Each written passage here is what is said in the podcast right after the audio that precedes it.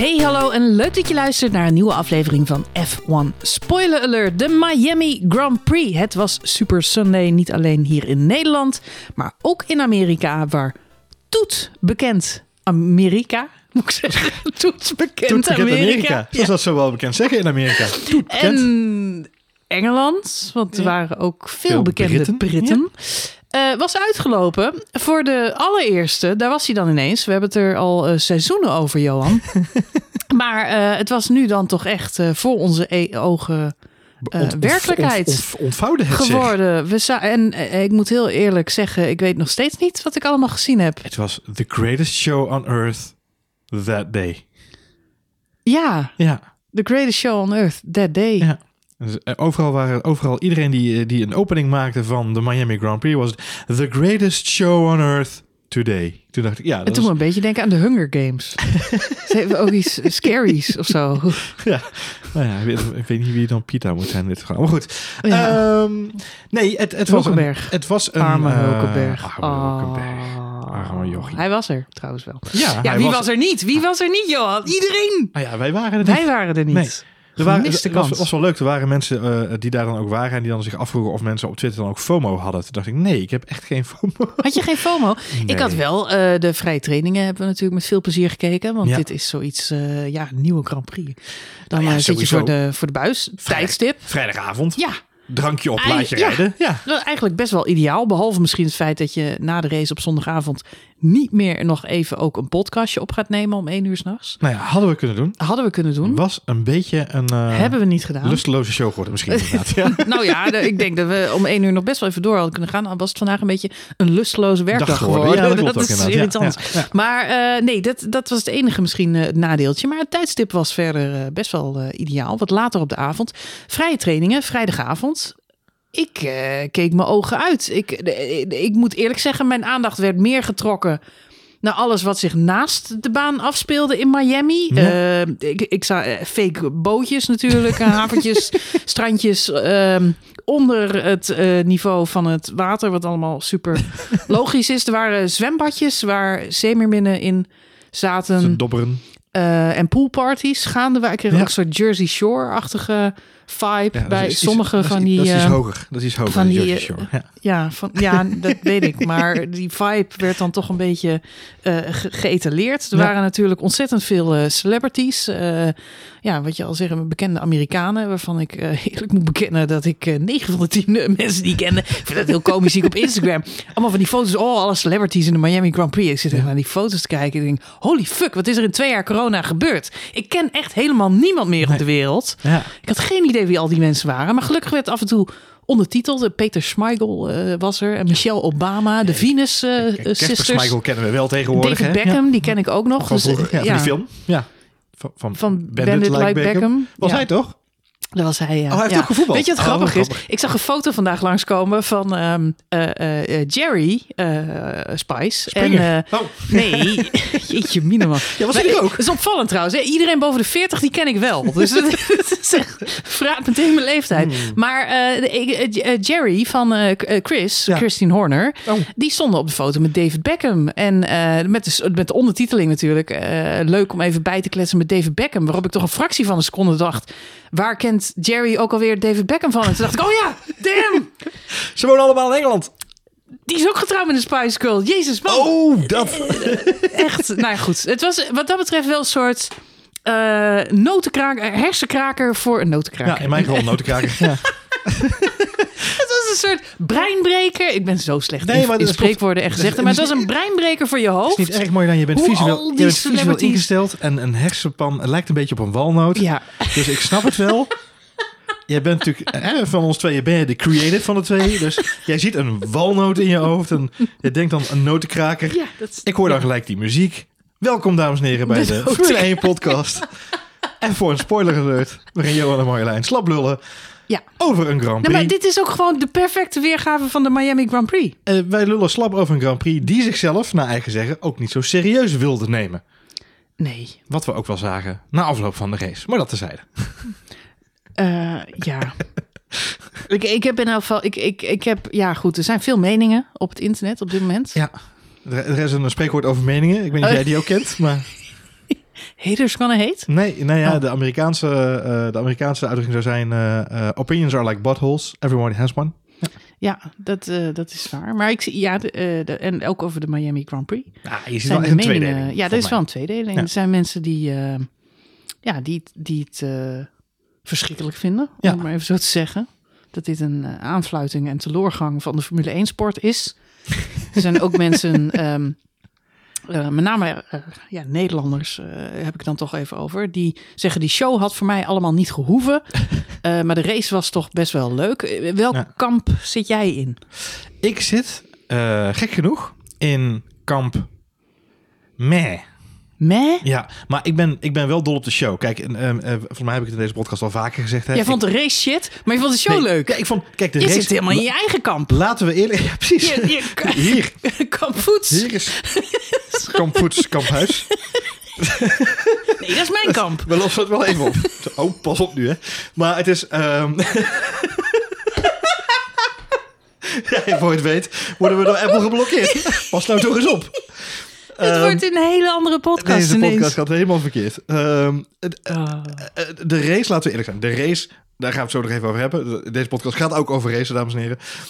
Net zoals dat die, die dag gisteren ging ook over racen. Maar dat was maar een deel. Er was maar een deel wat van de race wat leuk was. Er waren twee momenten, twee fases van de race. En daartussenin zat een interbellum waarin je makkelijk even wasje had kunnen draaien.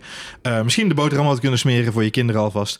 Je Eh, weet dat het een saaie Grand Prix is als je een wide shot krijgt gericht op de wolken boven het circuit. Ja, of zelfs nog dat je de stad ziet op de achtergrond. Dat is niet Ja. goed, zeg maar. Dat- Nee. Dus dat, nee, als, ze, Nee. als ze Scenics gaan laten zien, dan dan, kijk je mis. op en dan denk je, hè, heb ik het einde gemist? Er Kom, hè, kom Ja, de, het standi- was- het de was- standings komen zo Het in beeld. zelfs zo saai dat zelfs Valtteri Bottas bijna in slaap viel en nog even voor wat spanning zorgde op het einde. Dat gaan we straks allemaal over hebben, want we hebben geraced. Daar gaan we het echt nog even over hebben.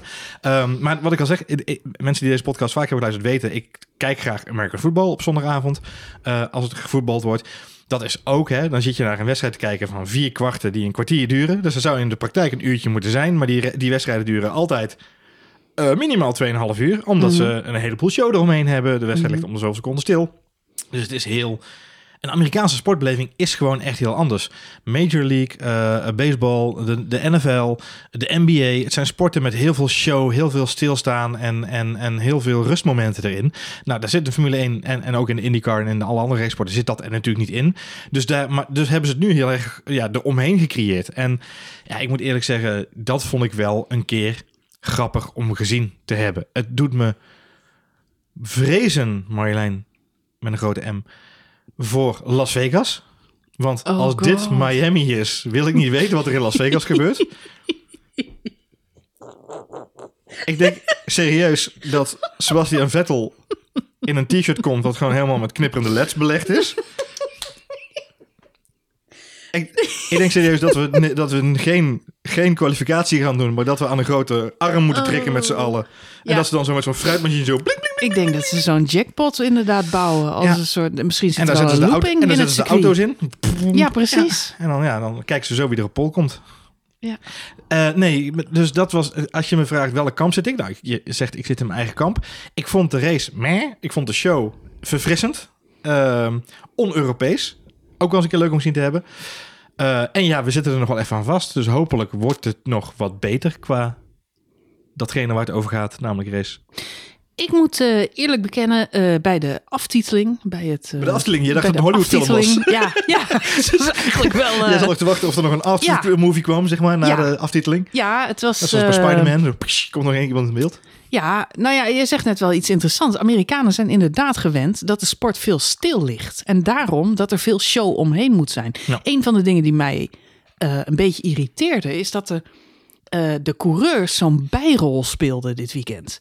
Eh, ze waren een soort figuranten in, in een film geworden. Terwijl ik altijd denk dat Formule 1 om die coureurs gaat. En dat is natuurlijk ook het beeld wat we krijgen in, in Drive to Survive. Waarmee ze nu dan blijkbaar groot zijn geworden in Amerika. Dus ik had zelf verwacht dat, dat, ja, dat die coureurs veel meer op een voetstuk. En dat daar alle aandacht. En, maar in plaats daarvan zit je naar de pre-show te kijken.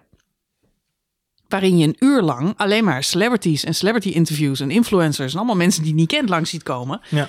Ehm, en ook na afloop in de aftershow ook amper coureurs. Maar dit is de keus van Formule 1 zelf.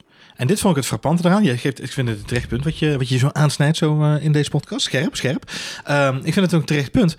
Maar dat is de keuze van Formule 1 zelf. En wat het voor mij heel erg duidelijk maakte, is dat de hè, Liberty, of, of, of F1, net hoe je het zelf wil noemen, hè, kies een van de namen voor deze partijen die bijna evenredig gelijk zijn. Um, wilde graag laten zien, had een soort bewijsdrang.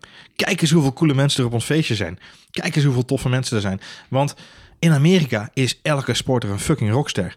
Dat, dat, weet je, het maakt niet uit of je nou bij de, de nummer laatst basketbalt in de, in de NBA. Uh, op het moment dat jij uh, die, die, die dunk maakt in de finale, dan ben je het mannetje. En dan ben je een legende. En daar wordt er nog jaren over gesproken. Sportcultuur in Amerika is van een ander niveau. Dat, dat, dat weten we. Dat, dat, daar hoeven we het niet over te hebben. En dat is fantastisch om naar te kijken. Ze, ze adoreren daar sporters echt wel. En ik denk ook wel dat er een hele hoop mensen daar zijn die als fans van de coureurs daar zaten. Ik heb gelijk die man in beeld die bij de start, toen Max Leclerc inhaalde, bijna orgastisch in het wild stond te brullen. Als een ongetemde Miami-leeuw. Terwijl het toch de Dolphins zijn. Ik wou net zeggen. Ja, er toch heel anders. um, ik ga het niet nadoen. Maar um, uh, mensen zijn echt wel fan van een sporter. Alleen F1, de, de, de, de uitzender, de regisseur van deze show, die aantal foutjes heeft gemaakt deze race, gewoon laten we even op. Die heeft ervoor gekozen, we gaan focussen op het feit dat we credibility hebben. Hier is uh, Michelle Obama en hier is uh, Pharrell nou ja, bij ik, Ferrari. Ik denk oprecht is... dat wat jij zegt is, Amerikanen zijn dit gewoon zo gewend. Als je naar een IndyCar race zit te kijken, uh, die vrij lang duren met al die safety car situaties en... Neutralisatie, ja, ja.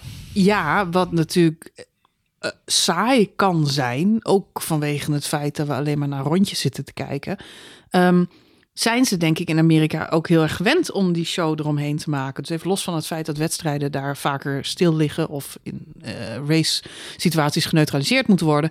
Um, uh, zijn ze het gewoon gewend om die. En wat jij zegt, het geeft ook credibility. Het zijn ook. Zij denken, denk ik, oprecht dat ze het best mogelijke tv-programma voor ons, de kijker, hebben gemaakt. Ja. Door al deze beelden uit te zenden. Ik zag op Twitter wel veel irritatie van de Europese Formule 1-kijkers. Voor wie dat allemaal niet hoeft. Die veel liever gewoon Christine Horner, Binotto, eh, Wolf, Hamilton, eh, Verstappen, Leclerc, Sainz. Iedereen aan het woord horen over hoe die baan is, hoe de kwalificatie is geweest. Ja. Hoe we misten gewoon eh, het gevoel van in die Kleine wereld zitten Ja, in die, ja, 1. in die, in Ja. die, in die eh, pitboxen eh, rondlopen. Ja, ik dat dat had je dat- hier niet. Ik denk dat het grappige is voor de Europese fans. eh, en, en ik wil niemand eh, een mening aanpraten dan wel eh, te veel zeggen dat het mijn mening is. Maar wat natuurlijk wel altijd gezegd is, is dat Formule 1 is een eh, unieke wereld. Hè? Een soort elite racers en het is een klein wereldje. En eh, als je daarbij hoort, dan, eh, dan ben je de beste racers ter wereld. En dat, dat creëert een soort van, ik, ik zou willen zeggen in-crowd gevoel, maar dat is niet helemaal, want dat geeft een negatieve connotatie misschien. Maar we hebben wel altijd het gevoel van dat kleine groepje mensen, die, wat er bijna x duizend zijn, maar dat dat kleine groepje mensen wat bij elkaar komt op die circuits, dat zijn de beste racers ter wereld. Dat is een uniek groepje mensen en die zijn heel tof om te kijken. En nu werd dat ineens, eh, maar er zijn nog veel meer unieke mensen. Kijk eens naar deze al unieke mensen die er ook allemaal zijn. Ja, maar dat is eigenlijk wel eh, wat ik zo geslaagd vind, achteraf bezien, aan deze Miami Grand Prix. Want de aftiteling Ja. aan het eind van deze film, Ja. toen die in beeld kwam, ehm, werd er door de voice-over nog aangekondigd dat we teruggaan naar Europa na deze race. We gaan Ja. naar Barcelona en Monaco. Monaco? Ja. En toen slaakte ik een diepe zucht Mhm. van, niet van verlichting, maar meer van frustratie. Lichte frustratie. Mhm. Omdat ik me realiseerde dat we naar freaking Barcelona en Monaco moeten gaan kijken. Wat een saaiheid. Ja, er waren, ik moest daar wel om lachen, want er waren een aantal mensen die heel kritisch waren over Miami. En dan vervolgens zeiden, gelukkig gaan ze binnenkort weer naar Monaco. Toen dacht ik, "Arr, ik, snap, Arr. ik snap het, maar dat is kind of the same, alleen dan met een Frans accent. Monaco kan in die zin alsnog interessant worden dit jaar, omdat we met nieuwe auto's rijden. En de winst van Miami is dat ik op basis van de vrije trainingen en de kwalificatie niet had gedacht dat het echt een spannende inhaalrace zou worden. Het circuit is zo verschrikkelijk nauw. Eh, eh, de Wall of Champions, vergelijkbaar met die in Canada, is natuurlijk veel over gezegd. Ik, ik zat elke keer eh, echt met, met s- samengeknepen handjes, omdat... Oh, handjes. Ja. Ik, ik Omdat billetjes die, hoor. eh, Ik had er zo...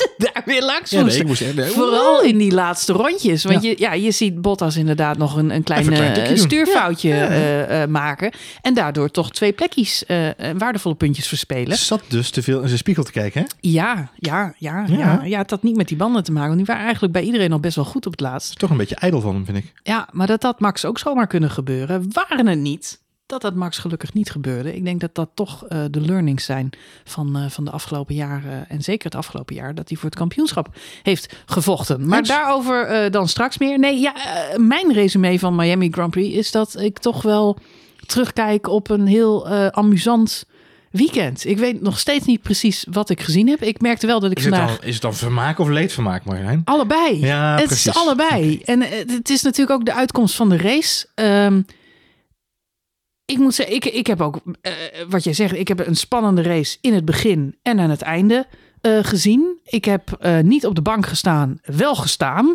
Hm, ja. De laatste acht, negen ronden, omdat het zo spannend was na de safety car. Ja. Ehm, ook bij de start. Max die natuurlijk gelijk Sainz pakt. Ehm, en vervolgens vol de aan- aanval inzet op, op Leclerc niet lang daarna. Is gewoon hartstikke... Entertaining. Ja, het is gewoon de Formule 1 die we al jarenlang willen zien. Ik blijf het toch herhalen. Ik moest wennen aan die nieuwe auto's. Maar, en ze, ze, ze stuiteren nog steeds als een gek. Tja. Eh Lennon Norris had niet alleen een eh, basketbalhelm, maar zag er ook uit alsof hij aan het dribbelen was Ja. in, eh, in zijn auto. Ehm, Ja, overigens, Lennon Norris hoop ik dat als we naar Japan gaan, dat hij dan die toadhelm van Mario Kart maakt. Dat hij dan zo'n toadhelm heeft. Als hij dan zo zit te stuiteren, is het helemaal net Mario als ze aan het eind van het seizoen nog steeds zo zitten te stuiteren, dan is er toch iets niet goed Dan is het gegaan. goed maar goed, het zou me niet verbazen met McLaren. Ehm, nee, ja, je hoopt wel dat die auto's eh, eh, beter worden. Wat, wat de grap denk ik sowieso is, en dat moet je volgend jaar natuurlijk nog maar zien met, eh, met Miami en alle circuits die we tot nu toe gehad hebben. Op dit moment is het leukste aan Formule 1 dat het niet te voorspellen is. De teams zitten dichter bij elkaar. Dat is wat we allemaal van tevoren gehoopt hadden van deze nieuwe auto's. Ehm, wat mij ook opvalt is dat ze eigenlijk elke weekend weer opnieuw voor een raadsel staan wat ze nu moeten doen. McLaren, volgen, vorige weekend in Italië, eh, ineens weer erbij. Ja. Leken het gat te hebben gedicht. Het gaat weer goed. en, eh, dit weekend gewoon weer ja, middenveld achteraan. Ja. Niet top. Andersom zagen we bij eh Alfa Tauri. Mhm. Die hadden vorige race weekend echt een drama weekend. Waren hartstikke slecht. Dit weekend zaten ze er ineens weer bij. Bij oké. Ja. Eh, allebei in eh, Q3. Yuki Tsunoda verprutst helaas gelijk in het begin Zijn, race. En verkeerde bandenstrategie die komt gewoon niet meer aan te pas. oh ja. Gasly heeft natuurlijk eigenlijk een hele goede race. eh, tot hij eh, die aanvaring met, eh met Lando Norris heeft. Maar reed gewoon op een zevende plek. Hij had daarvoor al een aanvaring met Fernando Alonso overigens. Want dat is natuurlijk wat uiteindelijk hem de das heeft omgedaan. Hij was al op weg naar de, naar de pitstraat. Dus het was al klaar. Ja, die had Alonso natuurlijk... was de eh, schuldige in dit geval. Ja, nou ja, een, inderdaad probleem met zijn auto. Maar even het verschil van snelheid en mee kunnen komen, eh, om maar aan te geven, dat kan bij de teams in twee weken ineens compleet omgedraaid zijn. Nou, we zagen dit weekend zelfs nog bij Mercedes gewoon in het weekend zelf. Dat ze gewoon op vrijdag eh, hartstikke goed bij leken te zitten. Op zaterdag kiezen ze in de vrije training voor een iets andere variant van de instellingen. En het is ineens eh, eh, weer helemaal omgedraaid. Eh heeft overigens niet alleen met de instelling van de auto te maken, maar ook met de track conditions in Miami. Want die veranderen dan ook. Hè? Nieuwe baan, straatcircuit. Warm, het is warm, heel warm in Miami. En dan zie je ineens dat ze dachten van we zitten op een goed spoor. Nou, dan komt het weer om de hoek zeilen. En ze veranderen iets aan de voorvleugel, iets aan de achtervleugel. En boem. George Russell heeft gewoon, en, en trouwens Lewis Hamilton ook, een, een draak van een, van een kwalificatie natuurlijk uiteindelijk. Eh, dat wel, maar uiteindelijk wel een, eh, een race waarin ze veel goed maken. Dus op de een of andere manier blijft Mercedes zich toch knap eh, naar die ja, vierde, vijfde plek toevechten. Russell staat trouwens op dit moment ook voor Carlos Sainz in het kampioenschap. Ja. Op die vierde plek. Dus ja, eh, ehm, enerzijds kunnen we zeggen, gaat nog niet zo goed bij Mercedes. En het blijft natuurlijk opvallend eh, hoe, ja, hoe goed ze de afgelopen zeven jaar waren en hoe moeilijk ze het op dit moment hebben. Aan de andere kant, ze vinden wel de aansluiting. Heeft natuurlijk ook weer te maken met de pech van al die andere teams. McLaren, eh Alfa Tauri, er zijn een hoop teams. Ja, die eh, Haas ook dit weekend helaas weer helemaal niks. Terwijl ze zo goed bij zaten. Ja, bij Ja. Mick Schumacher had natuurlijk zijn eerste punten kunnen pakken. Ging helaas niet door. was een beetje een Star Wars-achtige twist, vond ik dat. Ja. You are- I am your Ga je father. weer vallen, boem, ja. Boom. No! Sorry. Dat allemaal after May the Fourth be with you. Ja, ik vond het wel een heel zielig, eh, zielig incident. Nou, ik vond het vooral heel zielig. Ik weet niet, mensen die, die eh, eh, onze podcast luisteren... hebben ook vaste beelden van, eh van eh, Mick Schumacher al voorbij zien komen... die met puppy ogen bij Sky staat en zegt... dat hij heel erg de vriendschap met Sepp Vettel koestert. Sepp Vettel koestert Mhm. En dat hij hoopt dat hij hem heel snel te spreken kan krijgen... omdat hij heel erg benieuwd is naar zijn mening over het incident... en dat hij daar alleen maar van kan leren. Dus Mhm. dat, eh, en ook Sepp Vettel die bij Sky staat en vervolgens om zich heen staat te kijken... en zegt... eh, sorry, wat was je vraag? Of je Mick al gesproken hebt. Nee, ik ben nu naar Mick aan het zoeken, zoals je ziet. En, eh, Nou, dus die waren, eh, zo, komt wel goed met waren druk aan het zoeken om, de, om het even uit te met huggen die met z'n tweeën. Ja, Ja, komt wel goed. Met wie het ook goed kwam, waren Max Verstappen en Charles Leclerc. Die in heftig gevecht waren wederom om de overwinning van deze race. De nummer twee's waren ook met elkaar in gevecht. Want zo kunnen we ze nu toch officieel wel gaan noemen. Carlos Sainz en ehm, eh, Sergio Perez. Perez natuurlijk eh, een probleem met zijn auto. Dat verprutste eigenlijk een beetje zijn, eh, ja, zijn, zijn race. race. Ja. Hij zat eh, bijna in de DRS-range achter Carlos Sainz. Op het moment dat hij ineens eh, dik 7 seconden verloor. Zijn engineer had dat overigens niet helemaal door. Hij klaagde over de boordradio, losse power. Ja. En zijn engineer reageerde doodleuk met niks aan de hand, jongen. Gewoon doorrijden. Terwijl zelfs de televisie, televisiekijker gewoon zag, Ja. hoe dat gat ineens was opgelopen. Dus dat was nog wel frappant. Nou, het was een sensorprobleem, dus die heeft dat ook niet gezien. Dus hij, wij zien natuurlijk GPS-data en de timing. De engineer kijkt natuurlijk gelijk naar de statistiek van de auto en denkt, ik zie helemaal niks, niks aan de hand. Maar er bleek een sensorfout te zijn inderdaad, waardoor die motor eh, eh, toch ineens een rare melding eh, en een soort van failsafe ging, eh, als ik het goed begreep, van Christian Horner. Eh, ja, dat is toch pittig. Het, het kostte hem gewoon weer. 6, 7 seconden inderdaad. Ja, zo zie je maar weer. Toch ook eh, iemand op de tv-beelden laten meekijken. Was hem dat niet gebeurd, had hij denk ik eh, keurig meegaan naar het podium. Want hij zat er lekker in. Eh, nu eh, maakt hij aan het einde van de race natuurlijk een, eh, een heel Mary, om het maar even in de Amerikaanse termen te blijven. Eh, gaat hij veel te laat die bocht in, eh verneukt zijn banden. En eh, ondanks het feit dat hij een gunstig frame zat, had hij het, had, met meer rust had hij alsnog misschien wel derde kunnen worden. Maar goed, had hij die motorproblemen niet gehad, dan was hij volgens mij fluitend derde geworden. Dus zonde, want ja, voor Red Bull zijn die punten natuurlijk wel heel waardevol in het constructeurskampioenschap. Ja, en voor, voor Sergio Perez zelf ook. Die had natuurlijk heel veel fans op de tribune zitten. Veel Latino's in Amerika woonachtig. Ehm, en hij zat zelf ook eh, de dag daarna al op Instagram om te zeggen dat hij daar toch wel erg van baalde. Ja, Hij had dat graag eh, willen doen. Ja. voor zijn eh, fans. Ik kon wel merken dat hij, dat hij volgens mij wel lekker in zijn vel zat. En wat minder geïntimideerd was door de hele setting. Dan bijvoorbeeld de Europese coureurs. ik denk, dat- dat merk ik in Mexico ook altijd aan Perez. Ja. Je kunt aan hem echt zien als hij thuis is of in de buurt van thuis.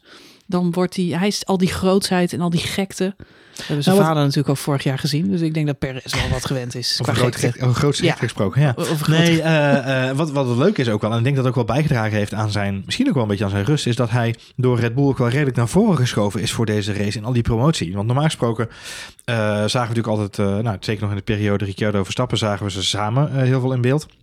Ehm, nu hebben ze in aanloop naar de race hebben ze Sergio Perez de main character gemaakt in de, in de roadtrip die ze gedaan hebben. Hè. Ze zijn van New York naar Miami gereden met de RB7. Dat was een promotiefilmpje wat ze gemaakt hebben. In de tijd natuurlijk ook hier in Nederland toegemaakt. Vanuit Rotterdam naar, naar Zandvoort. Ehm, en daar hebben ze nu echt Sergio Perez ook eh, de hoofdrol in laten spelen. En natuurlijk gepusht. En Sergio Perez is de hoofdrolspeler. En dat geeft hem natuurlijk ook wel een beetje een confident boost. Ik zeg niet dat hij daar eh, dat, hem dat, dat dat een gouden sleutel is ergens toe. Maar het is wel lekker als je team je toch ook op die manier in de PR de marketing wil meenemen. Eh, wat je natuurlijk gewoon terugzag. Red Bull wilde gewoon eh, goed aanwezig zijn in Amerika. Eh, ook in de boarding, op de boarding aanwezig tijdens de race. Een nieuw power station wat ze gelanceerd hebben in de paddock. Dus het feit dat hij daar ook centraal gesteld in die marketingcampagne... heeft hem misschien ook wel een, een, duwtje in de goede richting gegeven in geval. Maar hij had in ieder geval ja, een lekker weekend op zich. En ja, zonder dat hij het dan niet weet vol te trekken. Ja, lekker weekend. Wel jammer van die, van die issue. Betekende wel dat Carlos Sainz een beetje eerherstel eh, kon eh, krijgen. Ja. Ehm, had natuurlijk eh, wederom een, een crash dit weekend. Ja. Het zag er echt een beetje somber uit voor hem. En dat terwijl vorig jaar er toch echt niet zo heel veel verschil zat tussen Charles Leclerc en Carlos Sainz. Ik vind het wel opvallend hoe dat nu uit elkaar loopt. Ook als je bijvoorbeeld kijkt, je kunt wel zeggen hij wordt alsnog derde. Hartstikke knap natuurlijk. Wel op behoorlijke achterstand weer van Charles Leclerc. Ja. Notabene tien ronden eh, nadat de safety car eh, zeg maar naar binnen is gereden. Daarvoor was de afstand nog veel, veel groter. Ja, ik weet niet in hoeverre ze bij Ferrari naar management mode zijn gegaan. Na, de, hè, de- na, die, na die tweede safety car aan het einde van de race. Het is een beetje gek dat hij zijn eigen teamgenoot niet bij kan houden. Nou ja, ik weet niet in hoeverre ze dat gedaan hebben. Of dat ze gezegd hebben, manage je banden. Want eh, je hebt ook gewoon te maken met Perez achter je. Eh, dus ga niet te gekke dingen doen. Je hebt oudere banden. eh Perez zit achter je aan te jagen. Op het moment dat Perez op een gegeven moment die laatste actie maakt... Heeft hij nog wel, is hij weggereden bij Perez. En toen kwam het in een soort van stilmeet situatie terecht. En volgens mij is toen iedereen gewoon de management mode gegaan. Ook Carlos Sainz. Ja, dan is het wel gek dat hij zoveel meer managt dan Leclerc die dan nog wel zeg maar weet, weet weg te rijden. Dus dat geeft wel aan dat hij toch op de een of andere manier ehm, eh, toch misschien wel meer op safe gespeeld heeft in die laatste rondes van de race. Ik denk ook, om heel eerlijk te zijn, dat hij verdomd graag naar het podium toe wilde. Want ja, hij had even een resetje nodig hoor, dit weekend. Ik bedoel, eh, die crash is vervelend, maar hij heeft natuurlijk geen lekkere start van het seizoen. Ja, kan natuurlijk goed dat juist door die crash dat hij gewoon wat minder risico heeft genomen. Er waren een hoop coureurs eh, totaal uitgeput, zagen we na de Ja. race. Ik las ook nog ergens dat Carlos Sainz amper drinken zou hebben gehad eh, tijdens de race. Ja. Was hem niet aan te zien na afloop trouwens. Ge- Gerucht ging bij meer coureurs. Ja, ook Max Verstappen schijnt, eh, was, het, was het de vraag, eh, eh, is nog niet gecheckt of gedubbelcheckt of beantwoord, maar dat ze met minder water of zelfs geen water vertrokken zijn, omdat het er ook weer kilo scheelt en je daardoor dus sneller kunt zijn. Dus het schijnt bij meer coureurs een issue te zijn geweest dat ze met minder of geen water zijn vertrokken. Maar dat lijkt me dan een prangender issue om aan te snijden dan het wel of niet dragen van juwelen. Want als je ziet hoe sommige van die gasten uiteindelijk uit de auto stapten, Ja. eh, dan is het knap dat ze op het podium nog eh, rechtop konden staan. Ja, nee, dat is zeker waar. Eh, het, het- ik- kan me ook niet voorstellen, om heel eerlijk te zijn, dat er geen water is meegegaan. Hoor. Want ik denk dat elke sportfysioloog naar de weersomstandigheden gekeken heeft en gezegd, ja, dan ben je maar een kilo zwaarder. Maar daar gaat gewoon een, een bidonnetje mee. Nou goed, dit, dit was wel wat. ehm, eh, we hadden het net al even over Miami Grand Prix. En wat maakt het nou zo interessant? Nou ja, dat gevecht in de kopgroep was natuurlijk. Om meerdere redenen interessant om te volgen. Charles Leclerc was eigenlijk heel erg gewaagd aan Max Verstappen op die witte band. Dat zorgde ervoor dat het op het laatst nog zo spannend was. Want veel verschil zat er niet tussen die auto's. Max zei dat zelf ook. Hij zegt in het begin moest ik echt heel hard mijn best doen. Eh temperatuur zat nog niet in mijn banden. En hij zat me echt eh, in de nek. En op het moment dat de banden iets warmer werden, kon ik gelukkig wel iets weglopen. Maar eigenlijk deden we elkaar niet zoveel op de witte band. Op de gele band had hij wel een voordeel. Daar was hij natuurlijk op acht seconden op weggelopen. Ja, safety car. Eh, Ja. Maar daar mag Max nooit meer over klagen, over een safety car. Nooit. nooit voor de rest van zijn eh, Formule 1 carrière mag Max ooit nog klagen over een, eh, Later safety car. een late of ongelukkig getimede safety car. Die kaart heeft hij eh, gespeeld en eh, vergoed eh, in moeten leveren. Precies. Ehm, dus dat deed hij ook niet. En ehm, ja, het is natuurlijk vervelend dat zoiets gebeurt. Maar hij heeft het goed gepareerd. En ik moet eerlijk zeggen, van alle, ehm, eh, ja, van alle dingen die hij deze race goed heeft gedaan. De start was natuurlijk hartstikke goed. Carlos Sainz goed gepakt. Charles Leclerc keurig, clean, ingehaald. Hartstikke goed gedaan. Bandenmanagement van Max, top. Eh, scherpte tot het eind van de race, top. Uh, maar vooral het verdedigende werk vond ik in die laatste acht rondes. Ja. Uh, Charles Leclerc achter zich houdend. Ja, daar kun je wel echt zien hoeveel hij geleerd heeft, vind ik, de afgelopen jaren. Um, als, als we cijfers zouden geven, zou ik Max echt een, een dikke 10 geven voor deze Grand Prix. Want Ja. zeker uh, in ogenschouw nemen natuurlijk die dramatische vrijdag. Ja.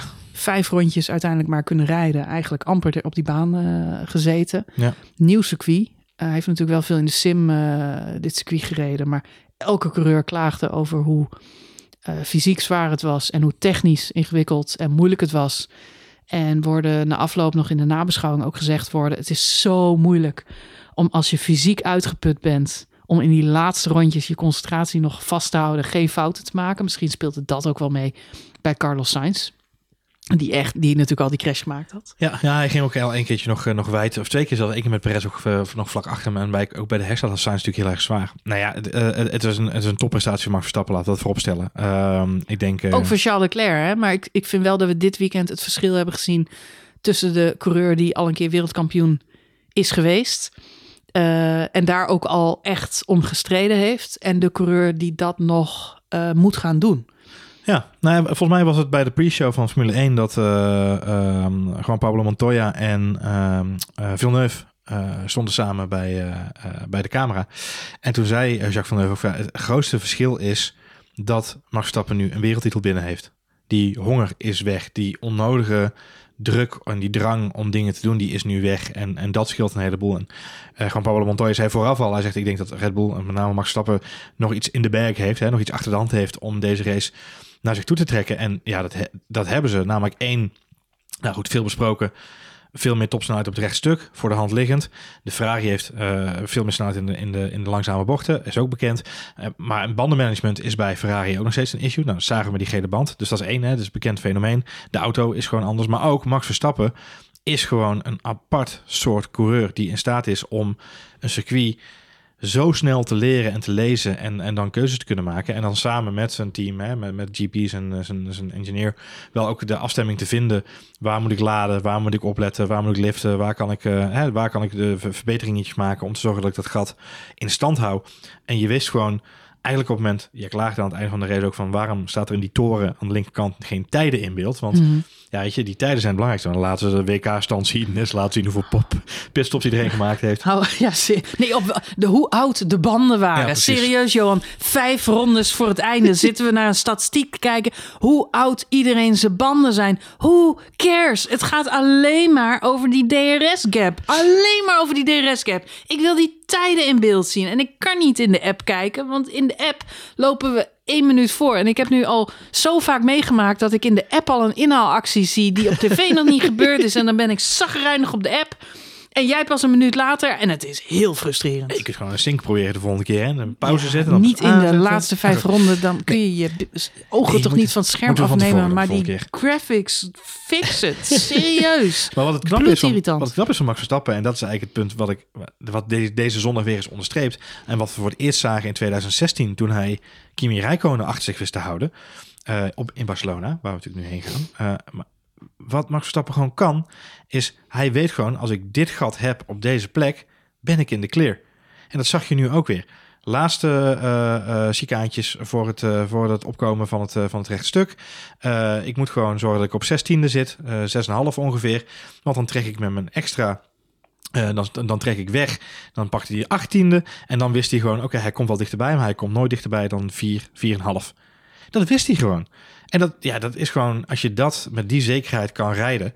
en je kunt zoveel vertrouwen in je machine en in je eigen kunnen. ja, dan, dan kom je er wel. Ja, ik moet zeggen, het is niet alleen een last die van Max's schouders is afgevallen hoor. Dat het wereldkampioenschap binnen is. Ik merk het als fan ook. Ik geniet echt van, uh, van Max en hoe hij dit seizoen uh, rijdt. Hij lijkt relaxter. Um, de druk is minder groot. Het zou natuurlijk hartstikke gaaf zijn als, als hij nog een keer wereldkampioen wordt. Het zou ook, denk ik, fantastisch zijn als een van die andere jonge gasten het nu wordt. Ik denk dat het hele kampioenschap uh, op zijn kop staat en opnieuw, op, opnieuw spannend is. Ja. Uh, dus daar heb ik ontzettend veel plezier aan. Wat mij wel, uh, behalve het feit dat hij volgens mij heel relaxed in zit en dit echt als een, ja, als, een, als een voor de lol seizoen benadert, is dat um, je deze race echt kunt zien dat hij ja, Hamilton waardig begint te rijden. Uh, clean. Hmm. Geen fout maken. Uh, geen bochtjes afsnijden. Uh, geen gekke dingen doen. als een chirurg met heel veel precisie. Ja. En wie dat ook nog steeds heel goed kan, moet ik eerlijk bekennen, is Lewis Hamilton ja. zelf. Ja. En er wordt weinig op dit moment over hem gezegd. Behalve dat het zo sneu is dat hij niet mee kan doen. En uh, dat hij gefrustreerd en is. En, moet uit. ja. en dat hij zijn oorbellen moet uitdoen. En uh, weet ik veel wat voor onzin ja. allemaal. Um, maar af en toe kijk ik naar Hamilton in de race. Of in de kwalificatie. Of in de, of in de trainingen. En dan denk ik.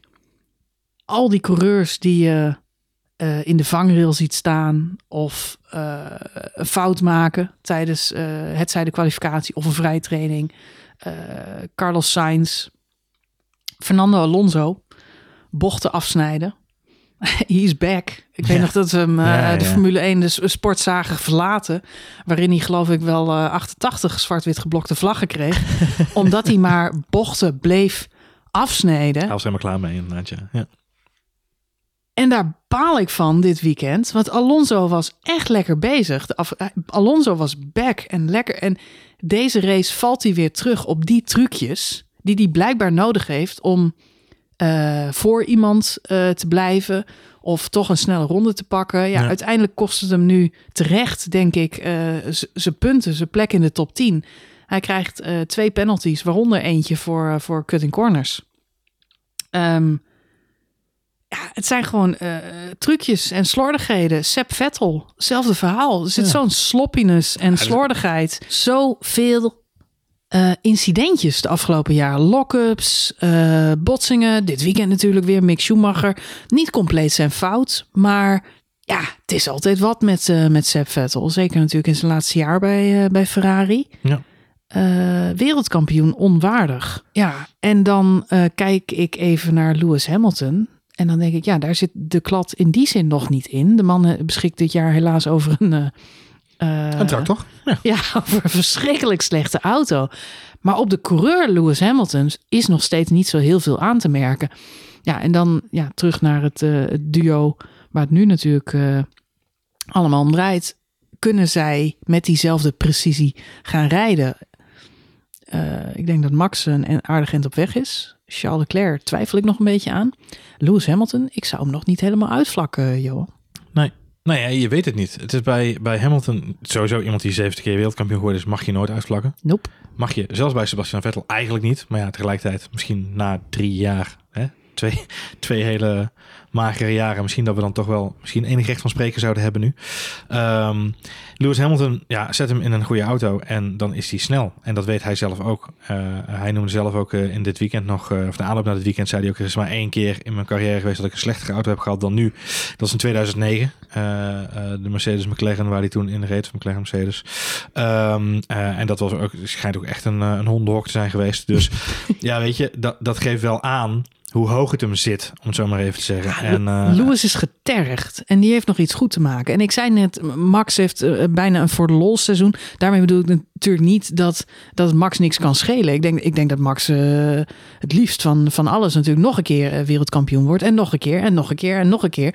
Ik denk, ik, ik kijk alleen naar Max en dan denk ik, er is wel echt een last van zijn schouders gevallen. En ik vind de nieuwe Max leuk. Hij lijkt relaxter, hij lijkt rustiger, volwassener. Ik vond het heerlijk om te zien hoe hij zijn moeder en zijn vriendin eh, een dikke knuffel geeft. eh, deze race natuurlijk helemaal uitgeput van die, van die, van die Grand Prix ook eh, na afloop. Ja. Ehm, maar er zit wel een... ja, het is, het is een nieuw hoofdstuk. Er is een, nieuw, nie- een nieuwe auto, een nieuwe reis. Ik denk dat hij terecht heel trots mag zijn op het feit dat hij zo'n shit vrijdag had. En dan met het hele team het toch weet om te draaien naar eh, zo'n goede race eigenlijk. Een teamprestatie, iets wat Ja. ze met z'n allen gedaan hebben. Ik denk ook dat dat hetgene is waar ze bij Ferrari nog wel even eh, jaloers naar hebben zitten te kijken. HBTF, als er bij Ferrari zo'n verschrikkelijke vrijdag zou zijn geweest, is het nog maar zeer de vraag of ze op zondag eh, dan deze prestatie eruit hadden weten te persen. En dat Ja. is volgens mij nu toch wel een klein voordeeltje voor het team van Red Bull en Max Verstappen in het bijzonder. Nou ja, ik vind twee dingen wel bij Ferrari belangrijk. Ik, ik ben het niet met je oneens. Ik denk dat daar zeker wel eh, hè, de, de luxe van een kampioenschap en, eh, en de wilde van... van Nou, ook, ook de resilience, de, de, de, de, de lessen die Red Bull al heeft geleerd om weer op te staan na tegenslag. De lessen die Max al heeft geleerd op dat zeker. Dat, dat sowieso. Hè. Laten Die zag je dit weekend. 2018 eh, was natuurlijk ook een dramajaar voor, eh, voor Max Verstappen en Red Bull. Dus de tegenslagen hebben ze voldoende gehad. Eh, ze hebben die wereldtitel binnengehaald bij Red Bull. Echter vind ik de voorbereiding op dit weekend van Red Bull, en dat heeft Max zichzelf ook gezegd, niet bijzonder sterk en niet bijzonder slim. Er zijn natuurlijk een aantal dingen niet helemaal lekker gelopen, gaf Max ook zelf al aan.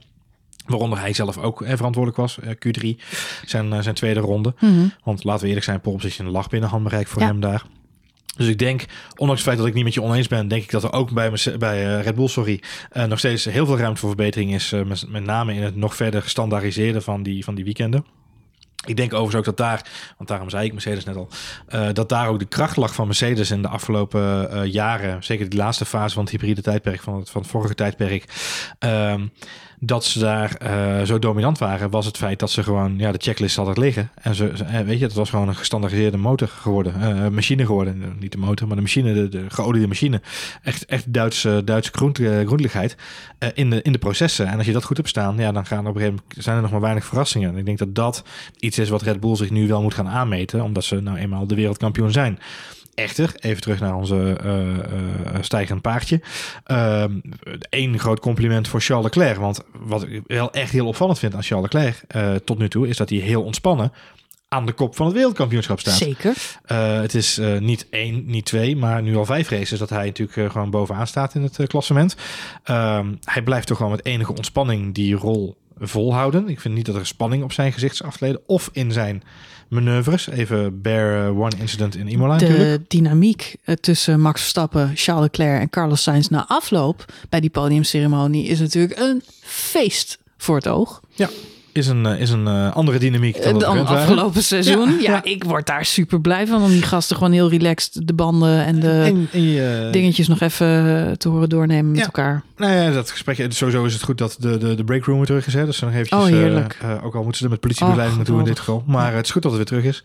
Um, maar, en dan nog even aangaande het team. Kijk, ik, ik neem ik denk dat je heel makkelijk over het feit heen stapt dat Carlos Sainz die auto nu al een aantal keren behoorlijk in de prak gereden heeft aan het begin van het weekend. Mm. Um, en dan moet je toch ook enige weerstand hebben ja, als team. Ja, en wat, wat, ja, ja, wat, wat, ja, het, uh, wat rekbaarheid hebben. En ik denk dat ze dat wel hebben laten zien. En dat Carlos Sainz dit weekend voor het eerst heeft laten zien dat hij daarin mee kan gaan. Ja.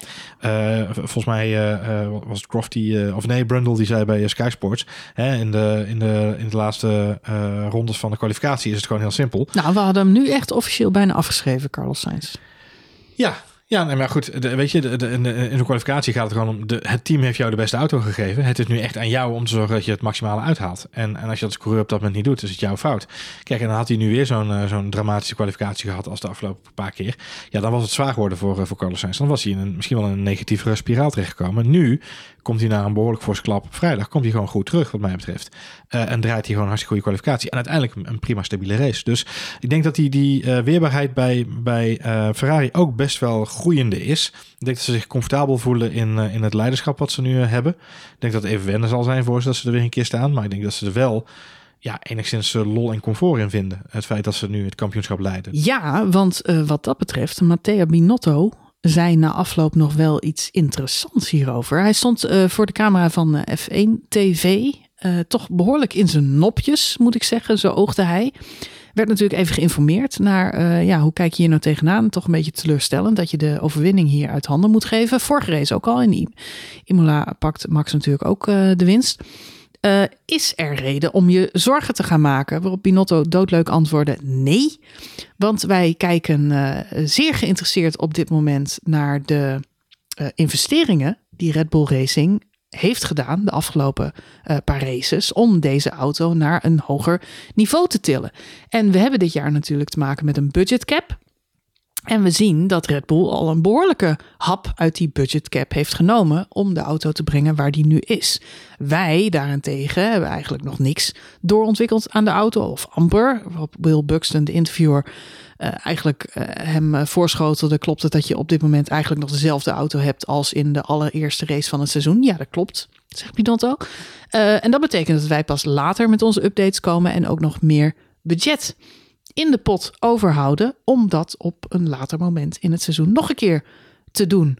Dus dat was toch wel een kleine steek onder water, of een grote steek moet ik zeggen. Hij was happily disappointed, ja. Hij was uh, toch wel uh, behoorlijke uh, psychological warfare die daar aan de gang is. Ik had voor het eerst het gevoel dat er niet alleen zoiets bestaat als een pitstop strategie, maar er is nu ook een budget cap strategie spel aan de gang.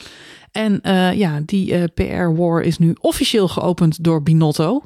Het was ook een beetje het start zijn, denk ik, van de Binotto-Horner uh, veten. Die vanaf nu, denk ik wel, Gaat ook in... Ja, ja, en die kunnen het goed met elkaar vinden. Dus ze dat, kunnen het goed met elkaar vinden, maar ik zag wel twinkeloogjes van ik ga toch even een wolfje uh, poelen hier. Nou, en even dit- die Christian Horner een beetje in zijn buik prikken. Dit was een duidelijk geval van een uh, spinotto, zou ik Ja, hè? zeggen. Want hij wilde even spinnen. Dat gevoel krijg ik ook, ja. Nou, kijk, hij probeert natuurlijk een, een draai te geven aan een verhaal in dit geval. Want Mhm. laten we even wel wezen. Hè? Zijn, zijn opmerking was ook het feit dat ze... Ondanks het feit dat we nog geen grote investering hebben gedaan... leiden we nog steeds het wereldkampioenschap in de constructeurs en eh, eh, Ja. met de driver. Precies. Ehm, maar eventjes, eh, hè, da- daarom zeg ik het is een mooie spin van Spinotto. Ehm, het, het komt erop neer. Eh, was Max Verstappen, eh, even een mooi record wat Max Verstappen nu heeft, is elke race die hij uitrijdt dit seizoen, wint hij. Ja. Nou, laten we dat vooral volhouden. Dat zou mooi zijn. Goede statistiek om te hebben. Maar die twee DNF's eh reed hij op een verzekerde tweede plek bij de races. Eerste race had hij een probleem met zijn stuur en ook zijn benzinetoevoer, waardoor hij uiteindelijk natuurlijk ook uitviel. Maar hij had hij een probleem met zijn stuur, waardoor hij ook niet meer in staat was om aan te vallen. Dus zou hij tweede zijn geworden. Achter hem op dat moment Sergio Perez, die eh, eh, ja, comfortabel naar de tweede plek rijdt uiteindelijk. En uiteindelijk ook uitvalt trouwens, die race. Ehm, maar hij had genoeg marge op Sergio Perez om die race te kunnen uitrijden. En in Australië valt hij ook uit met een issue. Op een gegarandeerde tweede plek was hij zelfs aan het gat aan dichtrijden naar Leclerc. En was de vraag nog, gaat Max Verstappen hem nog proberen te pakken deze race? Nou, dat lukte dus niet. Gat is nu op dit moment 19 punten in het kampioenschap. Twee derde plekken zonder een snelste ronde zijn 36 punten. Dus op dit moment zou Max Verstappen hebben voorgestaan in het kampioenschap. Ja, ja. Als, Als als, If als. this, then that. Ehm, dus dat is één spin. De andere is, je kunt wel leuk zeggen, eh, Red Bull heeft veel geïnvesteerd in de auto en wij nog niet. We weten allemaal tussen na aanloop van deze week dat eh, Ferrari wel degelijk geïnvesteerd heeft in een nieuwe vloer. Die hebben ze namelijk getest na de Grand Prix op Imola. Mhm. Eh, en ook uh, goedgekeurd gekregen vanuit, uh, vanuit de FIA. Um, maar uh, Red Bull heeft dan weer niet het pech gehad dat ze twee keer een auto uh, hebben moeten, onderdelen hebben moeten vervangen. Omdat meneer Sainz natuurlijk de auto tegen de vervangregel aan heeft gezet. Met de nodige schade. En ook Charles Leclerc nog wel redelijk wat, wat schade heeft gereden. Zo links en zo rechts. Een vleugeltje hier en een vleugeltje daar. Dus die budgetcap spenderingen. Ja, Red Bull heeft ze misschien wel uitgegeven aan het verbeteren van de auto. Maar ja, Ferrari heeft ze moeten investeren in het optimaliseren van de bestaande hardware. Maar dus... daar krijgen we dan wel een hele mooie sixpack voor terug, uh, Johan Voets, aan het eind van de wedstrijd bij Carlos Sainz. Dus ja, ja, ik had hem nooit eens een bier drinken gezien. Maar... Fijn dat hij er is. Nou, zelfs dat kreeg de regie niet voor elkaar. Nee. Waarom mocht dat niet in beeld? Ik had soort Janet Jackson Nipplegate-achtige. Hij werd echt angstvallig buiten beeld gehouden. Ja, dat werd wel gefocust op geen, bloot, geen onbloot bovenlichaam ja. in beeld. Ja. Heel frappant. Is ja. dat in Amerika ook verboden? Ja. Sinds Abercrombie en Fitch. Het zou zomaar kunnen. Kan natuurlijk ja. niet meer. Misschien had hij wel een boxshort rondgaan met Abercrombie en Fitch. Ja. Je weet het niet. Oh, nee. Goed, we gaan door. Um, want er waren nog andere coureurs in uh, deze wedstrijd. Daar gaan we het heel kort nog even over hebben. Mick Schumacher hebben we het al snel even over gehad. Die had natuurlijk een uh, uh, um, goed weekend, moet ik zeggen. Het leek alsof Mick veel in de sim had gezeten. Want hij deed het goed op dit circuit. Uh, eigenlijk in de vrije trainingen zat hij er hartstikke goed bij in de top 10. Hij reed ook uh, in de top 10 aan het eind van die wedstrijd. Jammer natuurlijk van het incident met Sepp Vettel. Die zelf trouwens ook uh, een aardige race reed. Ja, tot dat, dat incidentje. Ja. Latifi had ik eigenlijk ook wel van verwacht... dat we die vroeg of laat een keer in de vangrail zouden zien staan... Dat is niet gebeurd. Volgens mij was dit de eerste Grand Prix waar Latifi geen schade heeft gereden ja, dit seizoen. Ja. Top. Ja. Prestatie eigenlijk ja. van hem. Heeft, dan, hij, ook, heeft dus. hij ook een beker voor gekregen? Ja. Heeft hij een bekertje voor gekregen? Schattig. Schattig. Dat is in Amerika heel normaal. Hè? Dan krijg je eigenlijk overal een uh, trophy generation. Dus de krijgt... heel houtbeker. Ja, precies. Houd hem heel. Goed zo. Nou, die heeft hij dan gewonnen. Hartstikke goed voor hem. Um, ja, welke coureurs hadden we nog meer? Nou, ik zou het wel even willen hebben over uh, de roodgedoste uh, Alexander Albon. Die natuurlijk uh, keurig... Zeker, die komt de rest van het seizoen niet meer van zijn kapsel af. Nee, sterker nog, dat zal gewoon ook de baard zal gewoon rood gekleurd moeten gaan worden, denk ik, om het helemaal rond Als George Russell dit vijf jaar geleden had geweten, dan... Ja, dan hadden ze allemaal rood gezien nu. ja. die nog steeds rood haar gehad. Ja, denk het wel. Als een soort Bastian aan uh, Pitstraat gehad. Nee, um, Alexander Albon, ja, toch, ik vind... Maar het is wel indruk, hè? Ik vind oprecht dat Alexander Albon heel goed laat zien waarom hij daar bij Williams nu aan het rijden is. Um, het is je te doen om daar uh, in de schoenen van George Russell te gaan staan. Niet alleen omdat George Russell ongeveer een halve kop langer is en dus grotere voeten heeft. Maar los daarvan ook gewoon bij Williams een hele goede indruk heeft achtergelaten natuurlijk. Uh, ondanks het feit dat hij ook in tractoren en hondenhokken gereden heeft daar. Uh, heeft hij ook veel dingen weten te presteren.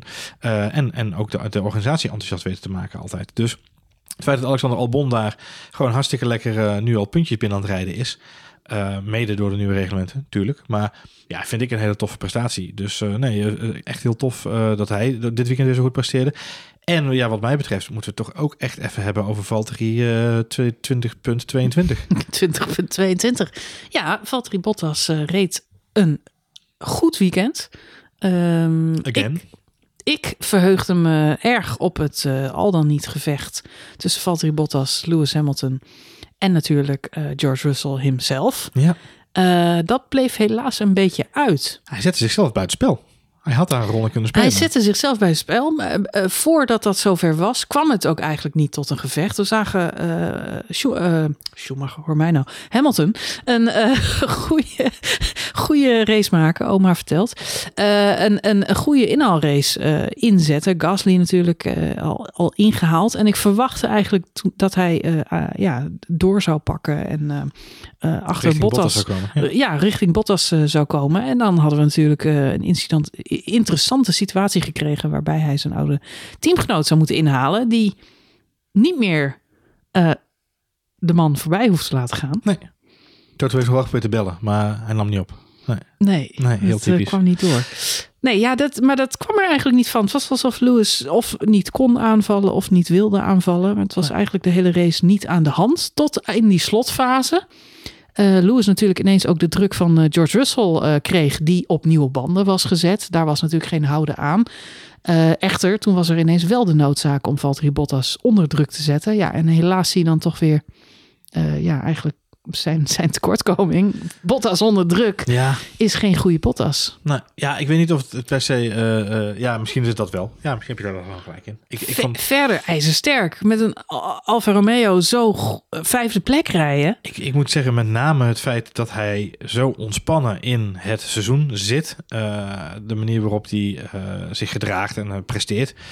Het is voor hem echt een bevrijding dat hij weg is bij Mercedes. Laten we dat gewoon vooropstellen. Eh volgens mij had hij eigenlijk gewoon drie jaar geleden al de stap moeten maken. laten we niet vergeten, er wordt veel gezegd nu dat Lewis Hamilton het zwaar heeft. Omdat hij voor het eerst in zes, zeven jaar tijd in de middenmoot moet vechten. Dat is hij niet meer gewend. Die gast zit al jarenlang in een auto die gewoon stevast vooraan rijdt. Hooguit moet hij er één of twee inhalen. Heel af en toe heeft hij een inhaalrace moeten rijden. eh, waar hij natuurlijk ook wel plezier van inziet. Maar door de bank genomen is hij gewend vooraan te rijden en daar te blijven. Bottas had datzelfde Ja. eh, luxe, moet je, had diezelfde luxe. Maar presteert het op dit moment wel om in dat middenveld boven te komen drijven. Dus ja, zou je toch verwachten dat Hamilton eh, net als Bottas ook enigszins eh, getergd is. Ja, ja het, is, het is moeilijk inschatten tussen die twee. Ik denk dat bij Bottas niet eens de getergdheid is dan wel de ontspannenheid van ik hoef niet meer per se iets. Mhm. Ik weet dat ik in een, in een team rijd waarbij als ik nu op de vijfde plek kwalificeer, is dat de beste kwalificatie sinds 2019. Even En krijg ik nog steeds goede Italiaanse koffie? Krijg ik nog steeds gewoon goede Italiaanse koffie inderdaad. Eh, krijg ik drie helmen die door eh, Tiffany eh, Shutterstock Cromwell zijn ontwikkeld. Ehm, dus dat gaat helemaal goed komen. Ik kan mijn fietsje in, de, in, een, in een vliegtuig proppen en ik kan lekker rondfietsen. Dus dat gaat helemaal goed komen. Ik heb een lekker leventje zo. En, en, en weet je, dat is volgens mij... Jij zegt Bottas is bevrijd.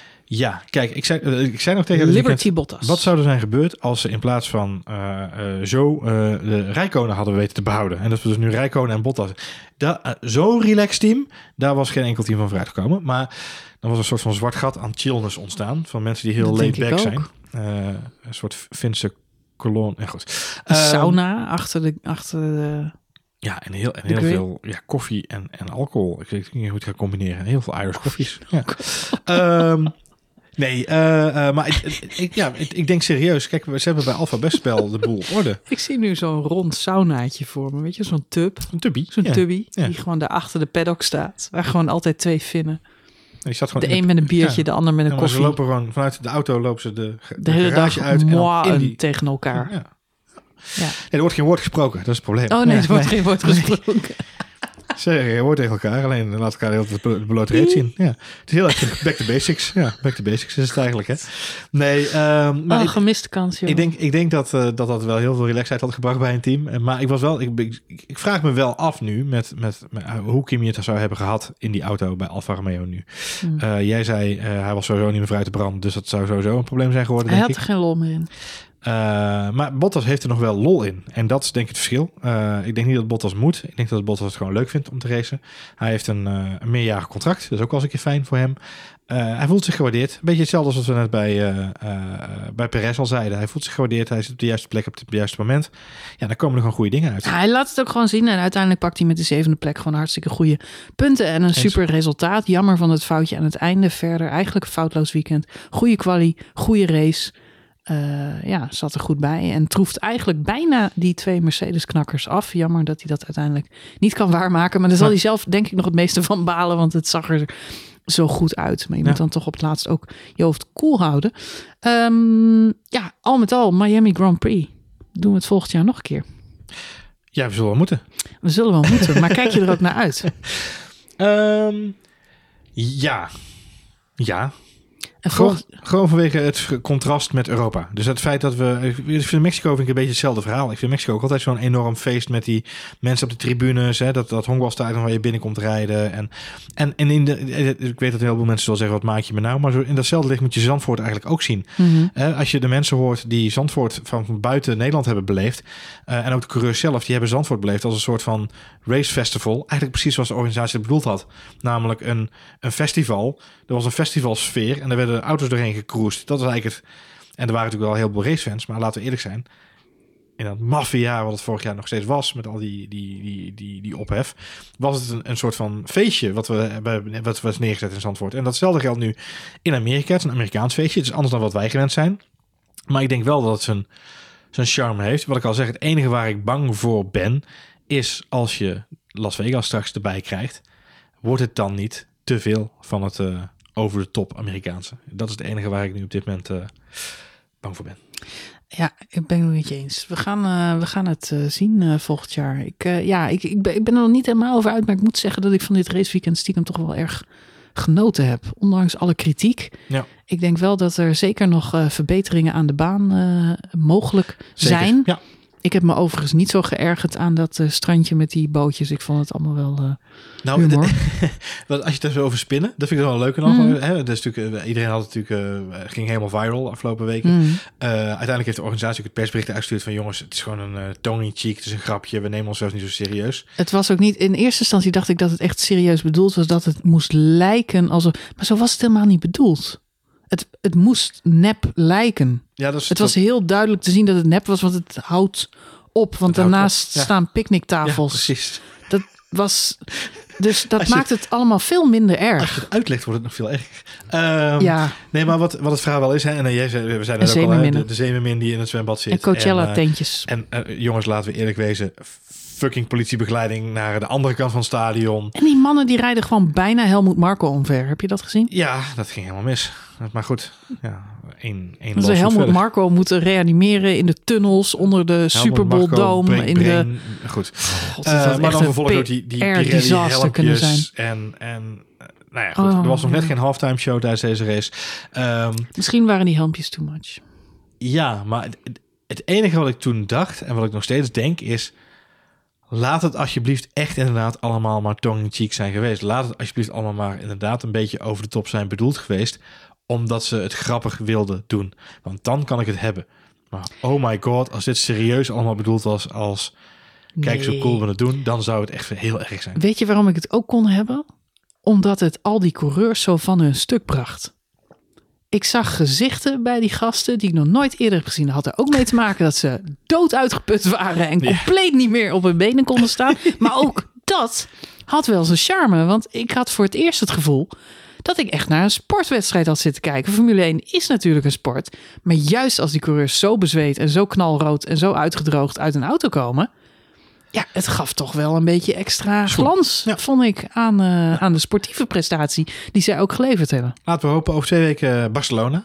Ja, Eh, dat zal toch weer een hele andere vibe hebben. Het circuit waar we natuurlijk de meeste data van hebben. Hè? Eh, Oh, laten we man, hopen man, man. dat we dan. eh, nee, laat, nee, moet ik zeggen dat niet. Laten we hopen, maar ik denk dat het een goede maatstaf is voor onszelf ook als fans om, om in ieder geval een keer te beoordelen hoe is het dan eigenlijk echt. En, en Monaco komt er Monaco is natuurlijk de plek waar het moet gaan gebeuren. Ga er maar vast vanuit dat Ferrari met updates komt. Eh, waarschijnlijk al in Barcelona. Ja. Eh, maar in Monaco moet het dit jaar gebeuren. voor Charles. Charles Leclerc moet Monaco winnen. Hashtag voor Charles. Dus hashtag Monaco wordt toch wel spannend. Ja, maar het is toch HBTM. Het blijft toch Monaco. Het blijft toch Monaco. En voor Charles Leclerc is dat nog geen gelukkig huwelijk. Ah, Zou Kimi Räikkönen nog van ergens op een jacht gaan zitten?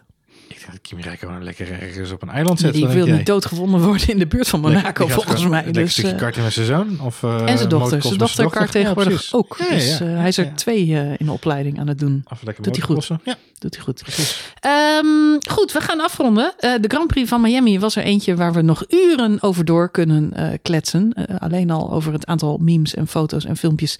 Wat ik eigenlijk nog wel een keer gewoon in zijn volledigheid zou willen terugkijken. Omdat ik nog steeds niet helemaal besef, snap of begrijp wat ik gisteren allemaal gezien heb. Eh, maar we gaan het erbij laten. Volgend jaar eh, zijn we er weer in Miami, hopen we.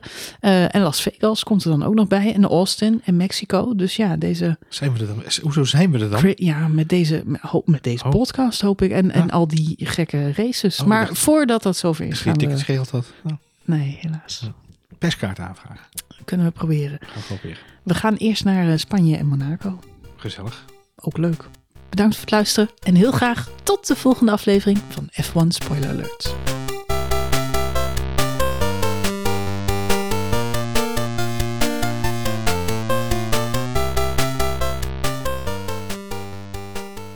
hey, Marjolein. Hey, wist jij dat er na de afdeling van Formule 1 zit er ook echt zo'n oude aftermovie, net zoals bij die Marvel films. Wist je dat? Nee? Moet je de volgende keer maar eens gaan zitten wachten.